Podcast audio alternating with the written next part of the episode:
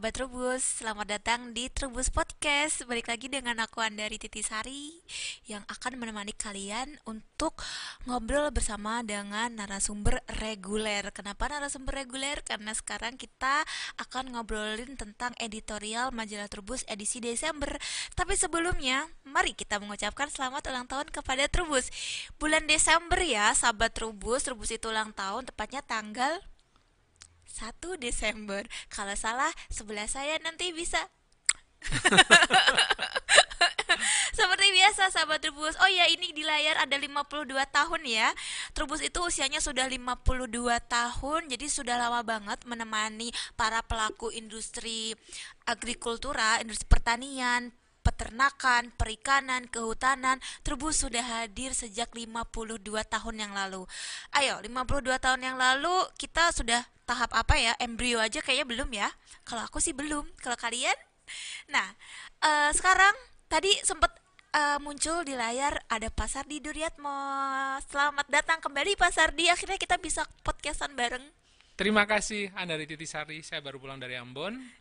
Baru apa diskusi dengan para penyuluh di sana penyuluh mm -hmm. pertanian tentu mm -hmm. dan sore hari ini kita bisa berdiskusi kembali mengenai bedah editorial Iya. Tadi terima kasih sudah mengucapkan selamat ulang tahun untuk Trubus ulang tahun ke-52. Jadi terbit perdana 1 Desember 1969. 1969 Pak Sardi itu sudah ada atau belum? lebih pengen tua, ya? lebih tua aku pengen menimbang-nimbang tuaan mana antara majalah Trubus dengan Pasardi ini sudah lama banget ah, ya. Pasardi ya harusnya ya. kita siarannya di bulan November Betul. tapi nggak apa-apa nih aku tuh setia nungguin Pasardi meskipun Pasardi suka pergi-pergi abis dari mana Ambon tadi ya Ambon Maluku ya. ngapain Pasardi ya uh, Trubus memberikan apa diskusi pelatihan bagaimana mengemas sebuah informasi yang diperoleh para penyuluh kemudian diunggah di web, di media sosial dan seterusnya. Jadi intinya desiminasi informasi atau inovasi bidang pertanian. Oke, seru banget kayak kok aku nggak diajak Pak Sardi. Hmm. Kan pengen ketemu sahabat rubus yang ada di Ambon. Lain kali ajak ya. Iya, oke. Okay. Makan siap. papeda ya. Makan papeda. Iya, aku belum pernah makan papeda itu langsung ke lokasinya. Aku dulu makanya di Jakarta pas ada acara. Beda nggak sih makan hmm. papeda di Jakarta sama makan papeda di Ambon di tempatnya gitu Pak Beda, Sardi? lebih enak kalau di tempatnya. Kenapa? Kenapa? Kenapa lebih enak Pak Sardi? Yang masak beda? Iya ikannya terutama kuah kuningnya. Kuah kuningnya itu ya yang, yang beda lebih seger kayaknya ya. ya. Karena yang masak langsung ahlinya di sana. Betul, ahlinya. Ya udah kapan-kapan kita nyicip papeda bareng sama Pak Sardi.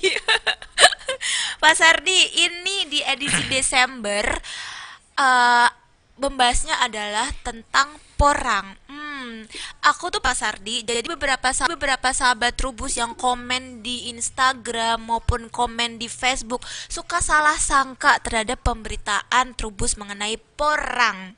Itu berarti tidak membaca majalah Trubus boleh dikatakan seperti itu nggak sih Pak Sardi? Ya, sebetulnya penjelasannya ada di dalam sih. Uh, Trubus beberapa kali menunjukkan apa yang menjadi pembeda antara porang dengan suap Iya, uh -uh. jadi kalian kalau pengen tahu lebih jelas mengenai budidaya porang maupun uh, pasar porang, kalian bisa baca majalah Trubus, terutama untuk pasarnya itu dibahas di edisi Desember. Tapi sebelum kita bahas editorial majalah Trubus Pasar di, aku pengen tahu dan sahabat Trubus pasti juga penasaran bedanya porang dengan suwek itu apa? Karena dua itu yang sering diperbandingkan. Ya, keduanya porang itu kita dari sisi nama dulu ya. Sama-sama Morphopalus porang Amorphopalus mualeri. Betul.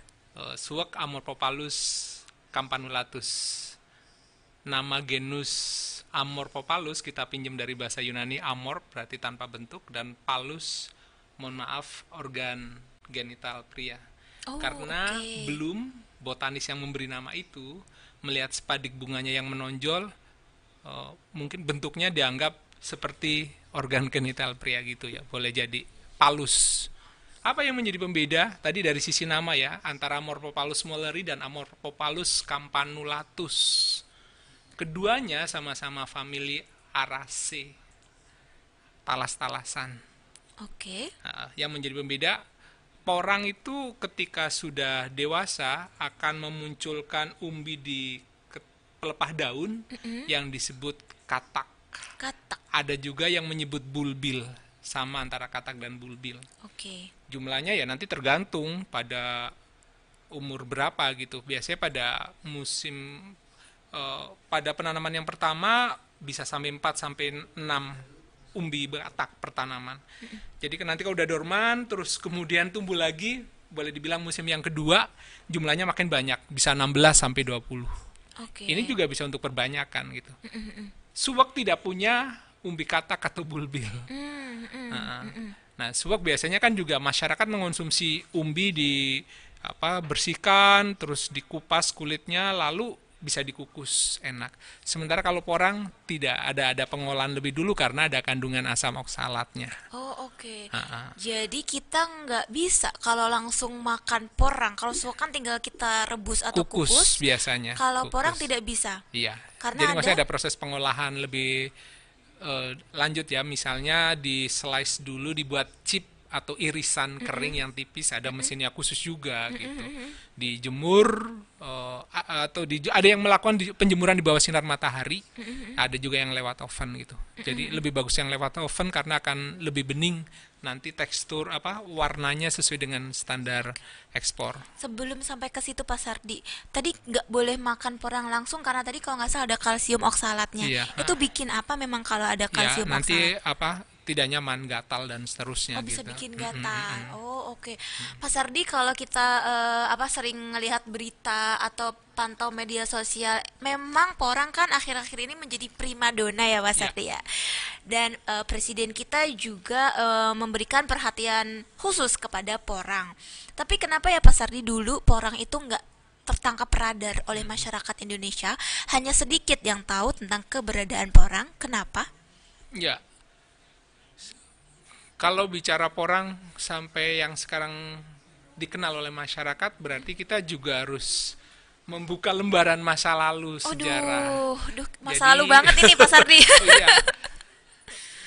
Jepang lebih dulu mengenal Amorphophallus konjak atau kita sebut nama lokalnya konyaku gitu ya, Amorphophallus konjak itu. Jadi ketika Jepang tiba di Indonesia pada tanggal 11 Januari 1942, seperti lagunya Gigi ya. 11 Januari, waduh. Jangan-jangan Gigi itu eh, keinget 11 waktu Januari. Jepang datang. Oke. Nah, Pak- Pak- nah, dulu Polang itu hanya tumbuh-tumbuh di hutan gitu ya. Hmm. Lalu oleh masyarakat Jepang tadi yang tentara Jepang ya karena tidak ada konjaku itu yang dimanfaatkan untuk bahan pangan dan kemudian di Indonesia eh, makin ke sini orang itu memanfaatkan gitu, mulai dibudidayakan. Oh, oke. Nah, kalau dulu banyak tumbuh di bawah tegakan jati di hutan dan seterusnya. Dua orang yang memelopori industri porang di Indonesia antara lain yang sepengetahuan saya satu di Surabaya, Ambiku, satu lagi di Bandung. Keduanya juga ex tentara Jepang Oh. yang kemudian menetap di Indonesia, Hmm. eh, membuat industri porang di Indonesia dan kemudian juga untuk ekspor ke Jepang Oh, oke. sekarang sudah dipegang oleh generasi ketiga gitu Hmm. itu ya dulu di hutan gitu tumbuh eh, tidak dimanfaatkan optimal gitu tapi kemudian karena banyak manfaatnya faedahnya ya kemudian terus eh, begitulah karakteristik komoditas kalau nilai ekonominya tinggi pasti akan banyak di Cari. iya dicari dibudidayakan Dimanfaatkannya itu sebenarnya untuk apa sih Pak Sardi? Dimakan langsung aja nggak bisa gitu. ya Tapi kayaknya eh, masyarakat di antusias semenjak banyak media massa yang Hmm. eh, mengangkat porang di beberapa artikel maupun di di media elektronik juga banyak dibahas mengenai porang. Sebenarnya porang itu dimanfaatkannya tuh untuk apa gitu manfaat utamanya? Ya, karena kadar utamanya yang dicari itu kan glukomanan. Glukomanan itu eh, serat yang bagus sekali untuk kesehatan. Pertama yang bisa untuk diet. Kalau orang Aku nih kayaknya cocok kayaknya kita ya konsumsi. kita adalah Membuat geng lebar. yang lain eh, apa bahan pembentuk jelly atau gelling agent gitu. Eh, bisa menjadi bahan stabil. Jadi kalau mi- membuat minuman gitu ada campuran kadang-kadang kan mengendap gitu ya. Kalau nanti ada glukomanannya itu cenderung stabil jadi tidak tidak mengendap di bagian bawah gitu campuran-campurannya misalkan. Oke. Eh, bisa menjadi pengental, pelapis membran, pengemulsi gitu. Kalau manfaat untuk kesehatan banyak bisa apa riset membuktikan untuk diabetes mellitus mencegah gitu ya terus uh, untuk apa farmasi obat di kalau kaum vegan yang menjalani vegetarian tidak konsumsi daging itu biasanya memanfaatkan tadi glukomanan sebagai pengganti gelatin misalnya. Oh, oke. Jadi manfaatnya sebenarnya banyak, farmasi, kesehatan, eh, bahan pangan, kosmetik itu diperlukan. Jadi sebenarnya yang di, eh, eh, apa kandungan utamanya itu di dalam porang itu adalah glukomanan itu ya Iya, pasar dia. betul. Yang tadi dibilang bisa untuk eh, diet gitu ya. diet serat. Jadi memang tidak dimakan langsung tapi diolah sedemikian rupa Iya. untuk diambil glukomanannya baru dari glukomanan itu diolah menjadi produk-produk akhir gitu ya Pak Sidi Iya. kayak jelly. Betul. Mm, Oh, oke. Itu deh sahabat rebus ya. eh, pemanfaatan porang itu untuk apa? Tapi Pak Sardi eh, kalau nggak salah majalah Trubus itu juga pernah memetakan beberapa eh, wilayah budidaya porang. Dulu kalau nggak salah pusat atau sentra budidaya porang itu ada di Jawa Timur. Ya. Nah sekarang itu sepertinya sudah melebar dan redaksi Trubus itu jeli banget ya Pak Sardi buat melihat-lihat eh, oh di daerah sana ada orang nanam porang, daerah sini ada nanam porang. Ada di daerah mana aja sih yang berhasil dipetakan oleh redaksi Pak Sardi? Ya, kalau tahun 90-an porang tumbuh di bawah tegakan sehingga boleh dibilang tumpang sari ya. Baru kemudian tahun 2000 ya 3 4 tahun lalu lah orang mulai membudidayakan monokultur gitu ya. Tidak di bawah tegakan dan monokultur gitu. Bahkan ada yang menggunakan mulsa plastik hitam perak. Jadi budidayanya ini sangat uh, Intensif. intensif. uh, ya kan. Oh, oke. Tadi kalau ditanya berkembang di mana? Jadi dari yang semula di Jawa Timur pada umumnya ya, bukan Iya, berarti benar. di daerah nggak ada. Iya. Terus kemudian menyebar ke berbagai daerah karena pengaruh media juga gitu. Di Jawa Barat tadi yang saya mengatakan ada Bandung. orang Jepang yang kemudian menetap di sana membuat uh, perusahaan dan mengekspor Sem- sampai 2019 masih mengambil di hutan. Baru kemudian sejak itu 2019 bermitra bekerja sama dengan sekitar 50 petani membudidayakan porang. Berarti di Jawa Barat di Bandung sudah mulai Bandung Ya, mulai. Bandung, Cianjur, Cianjur. Pangandaran gitu. Nah, kalau di daerah Jawa ya, Magelang, di Jogja, Wonosari, Gunung Kidul juga mulai dikembangkan kalau di Jawa. Jadi mulai menyebar. Kalau yang di luar itu ada di Riau, maksudnya di luar Jawa, Riau, di Jambi, di Aceh, di Biren, di Bengkayang, Kalimantan Barat, di Kalimantan Timur, di Kalimantan Utara gitu. Eh, sudah mulai orang membudidayakan eh, porang, saat Porang. ini. Ah, Jadi meluas dari yang semula maksudnya ini budidaya ya bukan keberadaan tanaman ya budidaya yang semula eh, banyak dilakukan di Jawa Timur kemudian menyebar ke berbagai daerah di Indonesia Oke, jadi beberapa eh, petani porang yang membudidayakan porang secara intensif itu sekarang sudah menyebar sahabat rubus bukan cuman dulu kan di Jawa Timur ya. Nah, sekarang sudah menyebar di Jawa Barat, di Jawa Tengah, di Sumatera, di Kalimantan itu sudah ada petani-petani yang membudidayakan porang secara intensif. Tapi Pak Sardi dengar-dengar eh, benar nggak sih kalau permintaan porang dunia itu tinggi gitu Pak Sardi? Pengen tahu deh perniagaan porang yang berhasil direkam oleh redaksi itu seperti apa? Jadi sahabat rubus bisa ngeh nih oh sebenarnya pasar porang tuh seperti ini gitu. Dari hasil penelusuran redaksi bagaimana? Ya sebetulnya redaksi juga mengecek setiap kali menyajikan informasi harus cover both side dalam pengertian harus sedetail selengkap mungkin ya data Badan Pusat Statistik juga dicek. Sayangnya yang sifatnya nasional tuh belum kami temukan gitu. Oke. Jadi yang ada baru sektoral gitu. Di Madiun BPS Madiun memang agak lengkap gitu. Tapi yang sebetulnya diinginkan yang sifatnya nasional agar ketahuan gitu. Kalau yang ekspor kami eh, sebenarnya mencatat yang dari Balai Besar Karantina Surabaya kalau dibandingkan 2014 itu ada ekspor 2.773 ton, kemudian lima tahun berserang 2019 itu 6.671 ton.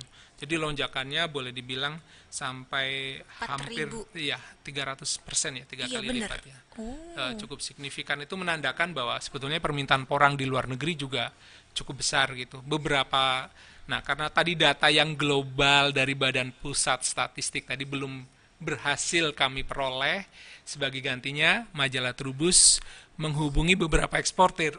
Mohon maaf jumlahnya sekitar 4 sampai 5 gitu. Dari situ kemudian ingin mengetahui seberapa besar kan mereka pelaku ekspor mengetahui gitu.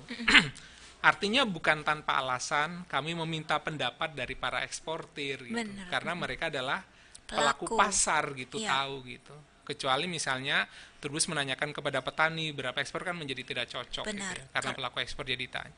Nah, pada umumnya pelaku ekspor tadi masih kekurangan eh, pasokan gitu. Hmm, Eh, boleh dibilang permintaannya sangat besar gitu porang. Oleh karena itu Turbus juga di angle yang kedua sekaligus ini kan tu- tulisan itu banyak ya ada 11 sampai 12 angle. Eh, Turbus menelusuri berapa banyak sih eh, apa porang saat ini di Indonesia data Kementerian Pertanian sampai tahun 2020 itu hampir 20.000 hektar penanaman ya. oke. Tepatnya sih sebetulnya 19.950 agar gampang dibulatin lah. Dibulatin 20 ribu gitu. hektar. Sementara ke- target luas panen pada tahun 2021 itu 47.000 sekian dari Masih 19 ah, target panen. Sementara 2024 ditargetkan sampai 100.000 hektar gitu. Nah, itu untuk memenuhi eh, permintaan yang terus meningkat gitu. Oh, oke. Heeh. Jadi membuat apa Kementerian Pertanian membuat peta jalan budidaya dan ekspor porang gitu. Jadi secara bertahap. Nah, iya. Ini berkaitan dengan video podcast selanjutnya karena di video selanjutnya eh, kami berhasil mengundang eh, eksportir porang. Jadi kalian saksikan di video selanjutnya kita akan ngobrol dengan salah satu eksportir porang. Jadi kalian ta- akan tahu eh, sebenarnya gambaran ekspor atau gambaran pasar dunia tentang porang itu seperti apa pasar di Nanti bisa di cross check ya data-data bisa yang- langsung di cross check ke eksportir tersebut. Jadi sebenarnya Pak Sardi banyak orang nih Pak Sardi kalau kami baca-baca dari hasil feedback kalau misalnya kami ngangkat kita ngangkat eh, artikel mengenai porang banyak yang meragukan pasar porang. Dikiranya pasar semu Pak Sardi.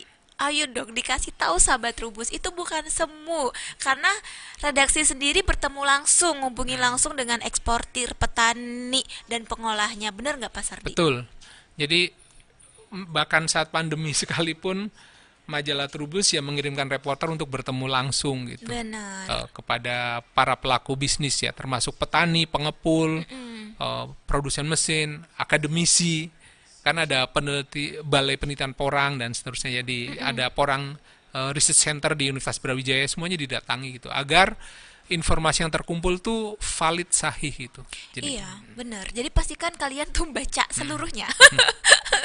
baca dari awal sampai akhir sahabat Trubus karena di di edisi Desember itu eh, majalah Trubus benar-benar menyajikan pasarnya, ada datanya juga, narasumbernya juga sangat-sangat berkompeten. Jadi baca dulu ya sahabat Trubus nanti kalian bakalan tahu sebenarnya gambaran pasarnya itu seperti apa dan juga nanti eh, akan ada buku porang pasar di Wow.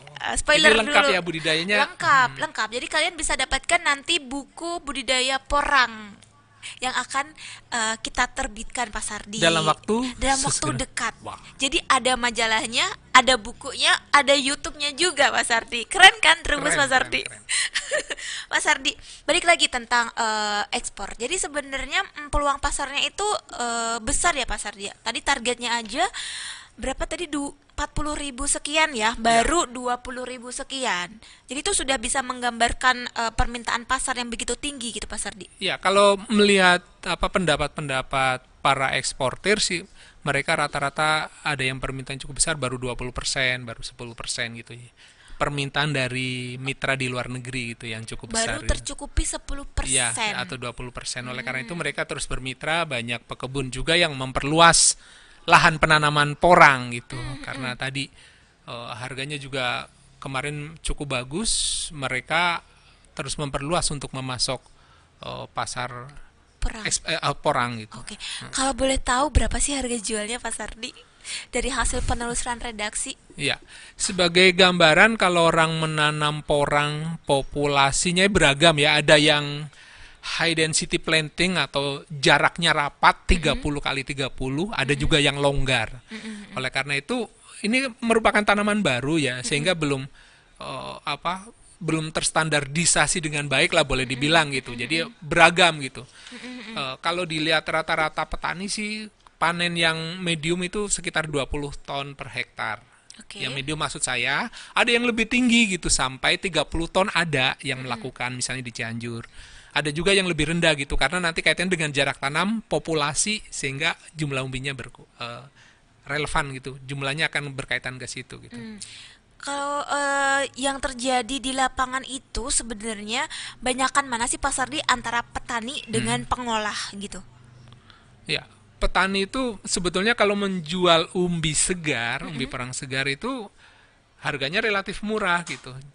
5 atau 6 kilogram umbi segar di slice mm-hmm. menjadi chip namanya dikeringkan. Mm-hmm. Kalau umbi segar itu harganya sekarang sekitar tujuh ribu rupiah per kilogram. Tujuh ribu rupiah per, per kilogram. kilogram. Mm. Tergantung daerah ya, maksudnya tidak harga di mana-mana pasti akan berbeda ya, banyak mm-hmm. uh, faktor yang Benar. menentukan gitu mm-hmm. ya. Ini harga yang kemarin kami cek di Kabupaten Cianjur misalnya, atau di mm-hmm. Bandung itu harganya eh, tujuh ribu rupiah gitu.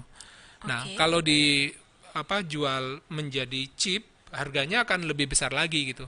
Satu kilogram chip atau yang irisan tadi mm -hmm. terbuat dari 5 eh maaf 6 sampai 7 kilogram umbi segar. Oke, okay. chip itu adalah irisan, irisan porang umbi kering yang ya, yang udah kering ya Pak Sadi. Dengan kadar air sekitar 10%. 10% atau kita menyebutnya keripik keripik. Iya, keripik tapi masih mentah ya. Tapi masih mentah. Nah, nah itu nanti akan dijadikan sebagai bahan untuk tepung. Untuk tepung Rendemennya uh, sekitar 50%. Waduh. Jadi kalau 2 kilogram chip itu kita olah maka akan menghasilkan satu kilogram tepung.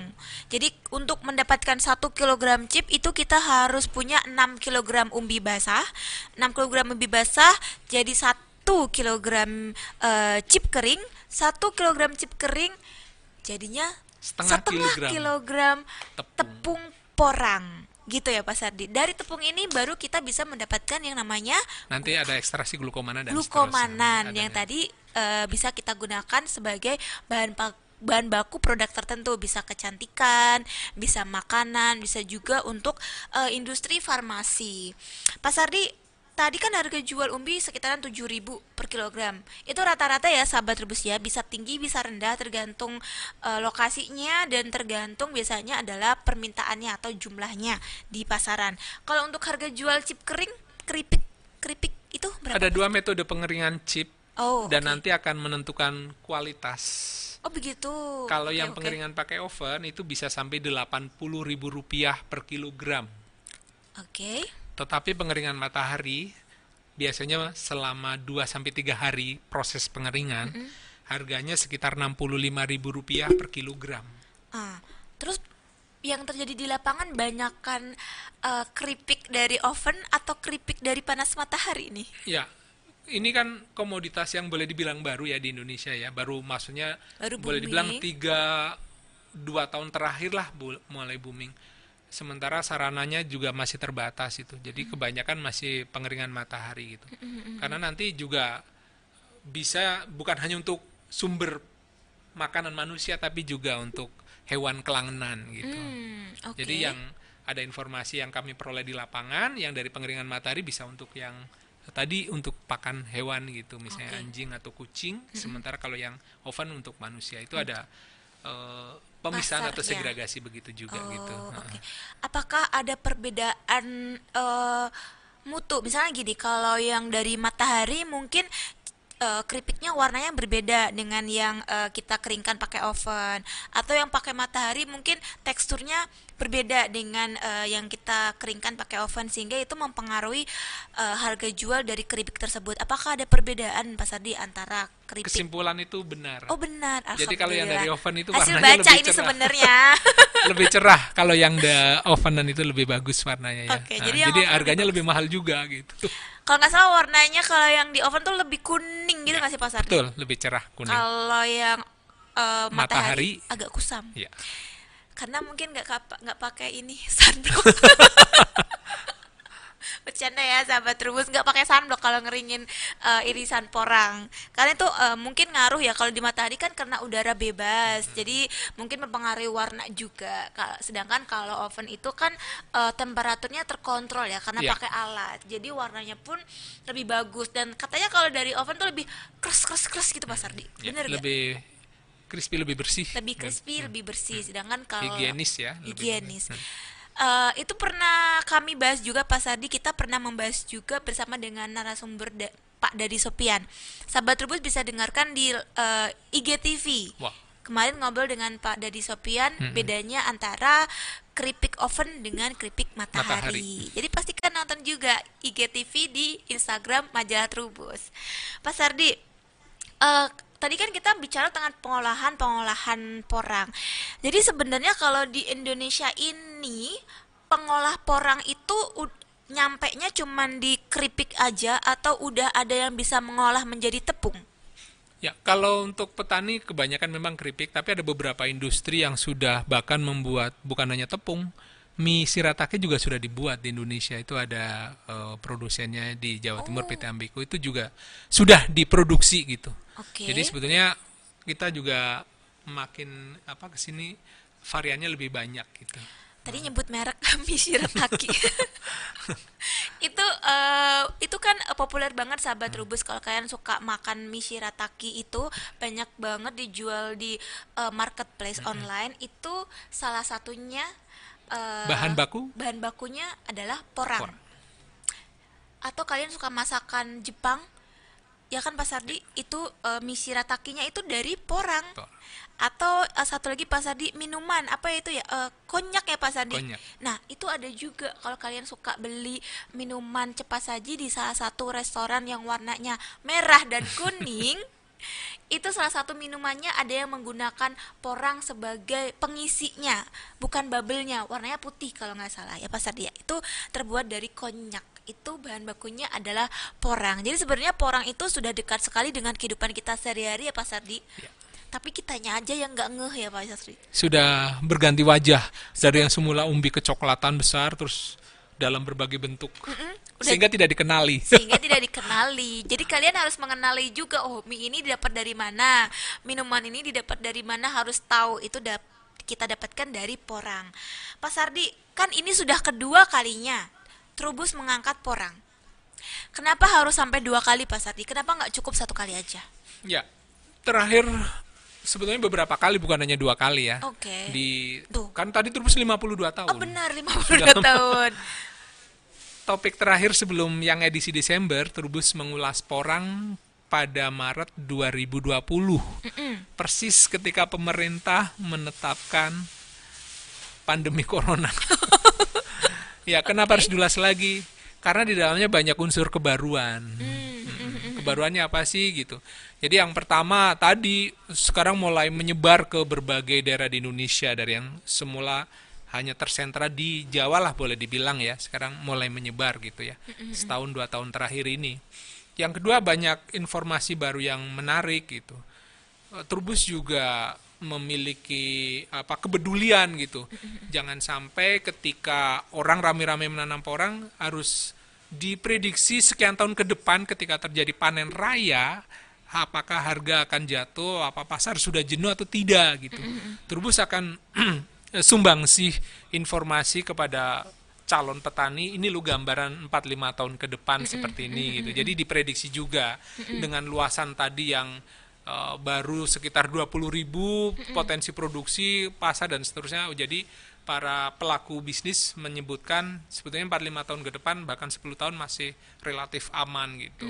Tidak membludak. Itu juga menjadi krusial gitu.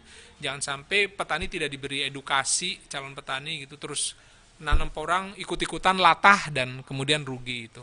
Oke. Nah, itu antara lain. Ada juga mesin slice ya untuk memotong tidak manual. Kalau dulu kan manual, sekarang ada mesin yang khusus. Oke. Lebih mudah. Jadi banyak informasi baru dan ini layak diketahui oleh para pembaca Trubus. Nah, headline-nya sendiri seperti yang ada di layar adalah peluang dan tantangan. Oke, kalau dipersingkat, peluangnya apa Pak Sardi? Peluangnya cukup besar tadi ya, pengalaman para eksportir ya, tentu yang mereka yang menjalani ya, itu peluang. Karena dari misalnya 200 ribu ton yang permintaan baru sekitar 10 persen, ada 20 persen, itu peluangnya cukup besar. Ya. Tantangannya tentu menghasilkan porang sesuai dengan kualitas ekspor tadi. Kalau dalam bentuk chip, harus kering oven, harus eh, warnanya cerah gitu, kadar glukomananya sekian dan seterusnya. Itu tantangan gitu, karena tadi ini komoditas yang baru mulai dikembangkan lah boleh dibilang dan ini perlu apa eh, pentahelik ya dukungan dari berbagai eh, unsur pemerintah. Iya, akademisi iya, media iya, masyarakat dan swasta gitu. Jadi semuanya harus bekerja bareng gitu agar ini bisa berkesinambungan intinya begitu. Oke itu. Dan peluang dan tantangan itu dibahas tuntas di edisi Desember ya Pak Sardi ya. Ya. Jadi pastikan kalian baca majalah Trubus di edisi Desember ini biar kalian tahu persis peluangnya seperti apa dan tantangan yang ada di depan tuh seperti apa. Jadi kalian bisa siap-siap kalau tertarik untuk membudidayakan porang atau menjadi pengolah porang. Pak Sardi, eh, aku sempat ngintip juga di edisi Desember ini. Eh, dulu di edisi Maret yang menjadi tantangan itu adalah belum adanya varietas unggul, sahabat Trubus. Jadi petani itu masih bingung porang yang mana sih yang harus eh, kita tanam agar hasilnya itu sesuai dengan harapan gitu. Nah, eh, dari hasil ngintip-ngintip aku nih di edisi Desember itu sudah ada varietas unggul porang. Boleh diceritakan Pak Sardi? Ya, pemerintah merilis untuk kali pertama varietas baru porang namanya Madiun 1. Karena Madiun. ini hasil seleksi di Kabupaten Madiun salah satu sentra penanaman porang di Jawa Wah, gitu. orang Madiun bangga nih Pak Sardi. Nah, Kota Pecel ya. Kota Pecel, Pecel Madiun. Nah, itu menjadi salah satu, bukan menjadi salah satu, satu-satunya varietas yang direkomendasikan yang cukup bagus. Jadi calon petani kalau menanam porang ya gunakan varietas Madiun 1 ini. Nanti akan para agronom, para pemulia akan melakukan riset-riset lagi untuk melahirkan eh, varietas baru yang berikutnya. Gitu. Bisa dibilang riset mengenai porang ini tergolong cepat ya Pak Sardi. Eh, kayaknya eh, pemerintah maupun peneliti cepat tanggap akan kebutuhan petani ya. Kalau be- tahun lalu yang dicari adalah eh, varietas unggul, sekarang sudah terjawab, sudah ada Madiun 1. Bagaimana mengenai mesin Pak Sardi? Apakah sudah ada mesin yang bisa mempermudah kita eh, para pengolah porang? Sudah ada belum sih? Ya kalau tadi saya sampaikan semula petani Ngiris, memotong secara manual ya umbi porang gitu. Boleh jadi ketebalannya tidak seragam itu ada yang tebal kan pakai feeling gitu ya. Feeling. Ada tipis. Iris pakai feeling jadi ada yang tebel, ada, yang tipis. gitu. Nah, sekarang kalau dengan mesin ketebalannya seragam. Oke. Diharapkan juga nanti proses pengeringannya lebih cepat, kadarnya sama gitu. Sudah ada mesin juga. Informasinya bisa dibaca lengkap di majalah Turbus ada juga. Kalau nggak salah mesin eh, pengiris dan ini eh, dirakit sendiri Ya. oleh anak bangsa. Jadi eh, Pak Dadi itu bersama dengan eh, teman-temannya, kalau nggak salah itu eh, bumdes ya Pak Sadi. Ya, Ada bumdes, ya bumdes. di desa-desa itu. Jadi eh, menggerakkan para anak-anak muda di sana untuk merakit mesin pengiris porang dan juga ada oven eh, bikinan sendiri Pak Sardi. Volumenya nggak begitu besar, tapi bisa untuk eh, memenuhi kebutuhan eh, para petani maupun pengolah porang di daerah-daerah. Terima kasih Pak Dadi. Ya semoga nonton ya. Pak Sardi, eh, itu kita bicara mengenai porang. Sekarang eh, aku pengen tahu eh, isi majalah Trubus yang lain itu apa selain porang. Wow, ini kalau baca majalah Turbus, wah menarik sekali ya edisi Desember, eh, edisi ulang tahun gitu. Ada pengembangan selama ini kalau kita tahu durian itu pada umumnya dagingnya berwarna kuning atau putih. Ini Duriozibetinus ya. Duriosi Eh, betinus. durian yang kita kenal. Ada durian merah yang sebetulnya sedang dikembangkan di Kabupaten Banyuwangi gitu. Penyediaan bibit, sentra, pohon induk tunggalnya udah tersertifikasi gitu. Jadi ibaratnya ini pengembangan durian merah sebagai kekayaan plasma nutfah kita. Itu juga Trubus Ulas di edisi Desember 2021. Oh, Oke. Ada lagi kalau selama ini eh, Andari tahu lanceng ya, Trigona. Tahu trigona. Ah, itu biasanya dikembangkan di bendala atau kayu-kayu gitu ya. Ini ada yang mengembangkan pakai keramik dari tanah liat atau tembikar. Jadi hal baru juga gitu. Pakai eh, tembikar. Tembikar dari tanah liat keramik begitu, itu jadi dijadikan sebagai rumah trigona gitu. Kok mewah ya? Hmm, mewah gitu. Itu apa bisa menjaga suhu dan seterusnya itu menurut saya sih wadahnya unik ya, estetis gitu dan menarik gitu. Jadi tidak harus dengan kayu kalau misalnya oh di daerah saya sulit kayu ya Pakai bisa tembikar. eh, eh, gitu ya dari tanah liat gitu. Oh, Itu oke. juga menurut saya inovasinya bagus gitu ya, menarik gitu. Ada videonya juga kok di, dibuatkan gitu Oh, ya. oke. Jadi nanti bisa eh, di-scan ya? Ya, Bisa untuk pakai barcode-nya itu di- dipindai ya nanti ya. dipindai, di- ya. dipindai. Bukan di-scan, dipindai biar nanti bisa lihat videonya di YouTube kita ya, Ya, Mas Ardi. ha-ha. Itu berarti kalau trigona itu masuk ke rubrik Karena apa? yang digunakan kan madu kan. Madu. Jadi masuk di obat tradisional. Obat tradisional. Pemanfaatannya madu gitu. Ya. Untuk Selain kesehatan. itu, ada apa lagi? Banyak rumah yang didak lalu tidak dimanfaatkan ya. Ada seorang kepala desa di Tasikmalaya yang memanfaatkan dak rumahnya untuk budidaya nila. Nila. Bayangkan, itu Tumben. bukan satu dua kolam gitu. Ada delapan kolam dengan diameter masing-masing 4 meter. Budidayanya pakai sistem bioflok, panennya cepat, produksinya tinggi. Kalau, aduh saya mau ternak ikan sih tapi nggak punya lahan. Ini salah satu solusi gitu di Didak ya? perkotaan didak rumah gitu. Tentu harus memperhitungkan konstruksi Iya, ya, karena kan bobotnya lumayan berat ya. Kalau diameternya 4 air dan seterusnya harus diperhitungkan gitu.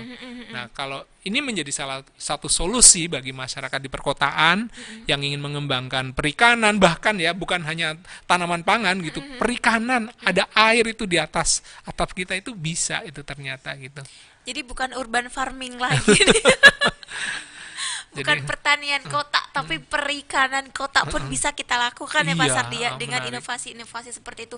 Di dak rumah loh, kita pelihara nila. Biasanya kan di dak rumah tuh kalau nggak salah peliharanya tuh tabu lampot. sayuran sayuran, biasanya. tasa lampot. Ini adalah nila. Jadi wajib kalian baca artikelnya. Selain itu ada apa lagi di tanaman perkebunan? Di perkebunan ada apa Pak Sardi? Uh, kalau di perkebunan, nah, serai itu juga permintaannya tinggi ya, digunakan untuk minyak Serai asiri. wangi. Ya, itu disuling gitu. Permintaannya juga tinggi. Jadi Trubus memberikan banyak inspirasi sebetulnya bagi calon, bagi para pembaca gitu, yang mau terjun di bidang agribisnis gitu. Mau sehat ada juga di obat tradisional gitu. Tanaman hias ada pendatang baru yang dari ini ya, Skindapsus bukan? tul, Pindapsus. Daunnya keren-keren. Skindapsus itu adalah calon primadona yang nanti akan pelan-pelan melesak sama seperti tahun lalu, Iya. Monstera dan Philodendron. Nanti kapan-kapan kita undang para pelaku tanaman hias ya, sahabat Rubus, karena sampai sekarang belum berhasil nih untuk mendatangkan uh, pelaku tanaman hias. Doain ya, semoga kita bisa mendatangkan pelaku tanaman hias untuk ngobrol dengan kita di sini, pengen tahu potensi tanaman hias seperti apa ke depannya ya Pak Sardi ya. Ya. Pak Sardi, eh, itu di tanaman hias, ini eh, untuk satwa hias nggak ada Pak Sardi? Satwa hias di Trubus edisi du, Desember 2021 ada. Trubus itu harus lengkap gitu, nggak mungkin nggak ada satwa hiasnya gitu. Jadi Ikan kalau nggak salah. iya ada ikan gitu, eh, buahnya lengkap gitu ya. Terus tadi trigona meskipun eh, termasuk satwa itu kami letakkan di obat tradisional, Obat tradisional karena karena fungsinya ya. eh, madu gitu ya. Ya. Nah, kalau yang ikan eh, bisa gunakan apa beragam eksplorasinya enggang ya. Tadi karena bicara satwa itu banyak sekali diperdagangkan dan terubus menyuarakan konservasi lewat tulisan-tulisannya gitu ya. Oh ya jadi ingat. Kemarin eh kami kita berhasil untuk ngobrol bersama dengan Mas Riz Riki, Riki Rahman Syah. Beliau itu adalah eh, peneliti enggang atau rangkong. Kalian bisa dengerin eh, atau lihat videonya di IGTV. Kemarin berhasil ngobrol dengan Mas Riki. Beliau ngasih tahu kita sebenarnya enggang itu seperti apa, keberadaannya di alam dan cara konservasinya itu seperti apa atau upaya penyelamatannya itu seperti apa. Ikan hias ada apa tuh Pak Sadi Mas Koki bukan? Iya, bagaimana cara mencerahkan warna maskoki? Terutama bagi para pehobi ini menjadi jalan keluar Iya, yang paling bagus dengan maggot. dengan Yang- maggot. Ah, antara lain diberi pakan maggot gitu Oke, ya. karena untuk eh, pehobi ikan hias warna itu kayaknya kayak menjadi eh, bagian penting gitu ya. Ya, Kalau kayak kalau warnanya nggak merona itu kurang pas tuh kayak semua jenis ikan hias tuh seperti seperti itu ya Pak Sardi ya. Kalau Betul. jingga ya jingga banget, kalau merah ya eh, merah banget dan itu emang perlu perlu cara tertentu dan itu kita bisa dapatkan informasinya untuk ikan mas koki di edisi Desember 2021. Kalian bisa dapatkan majalahnya ini bisa DM di Instagram majalah Trubus atau bisa beli di website Trubus bisa juga atau bisa juga di marketplace ada di Shopee ada di Tokopedia ada silakan kalian beli majalah Trubus di mana aja di tempat-tempat online yang kalian suka atau bisa beli offline juga itu ada di toko-toko buku terdekat kalian. Jangan lupa ya untuk beli dan baca isi majalah Trubus edisi Desember. Pasar di kayaknya kita harus menyelesaikan obrolan kita hari ini. Terima kasih banyak Pak Sardi sudah menyempatkan waktunya habis dari Ambon persis langsung ditodong buat uh, nemenin sahabat Trubus ngobrol tentang editorial majalah Trubus edisi Desember. Terima kasih Anda Titisari, terima Nanti di- kasih di para Januari pembaca. ada apa Pak Sardi? Januari teropong komoditas-komoditas apa yang paling berpeluang secara bisnis di tahun 2022. Teropong komoditas yang berpotensi secara bisnis di tahun 2022. Ya. Berarti nanti kita bakalan ngundang Pak Sardi lagi buat ngobrol mengenai isi majalah Trubus edisi Januari. Terima kasih banyak Pak Sardi sudah meluangkan waktunya. Terima kasih banyak juga buat sahabat Trubus yang sudah mendengarkan maupun menonton podcast kita tentang tan- tantangan dan peluang porang. Terima kasih semuanya. Sampai jumpa. Sampai berjumpa sahabat Trubus.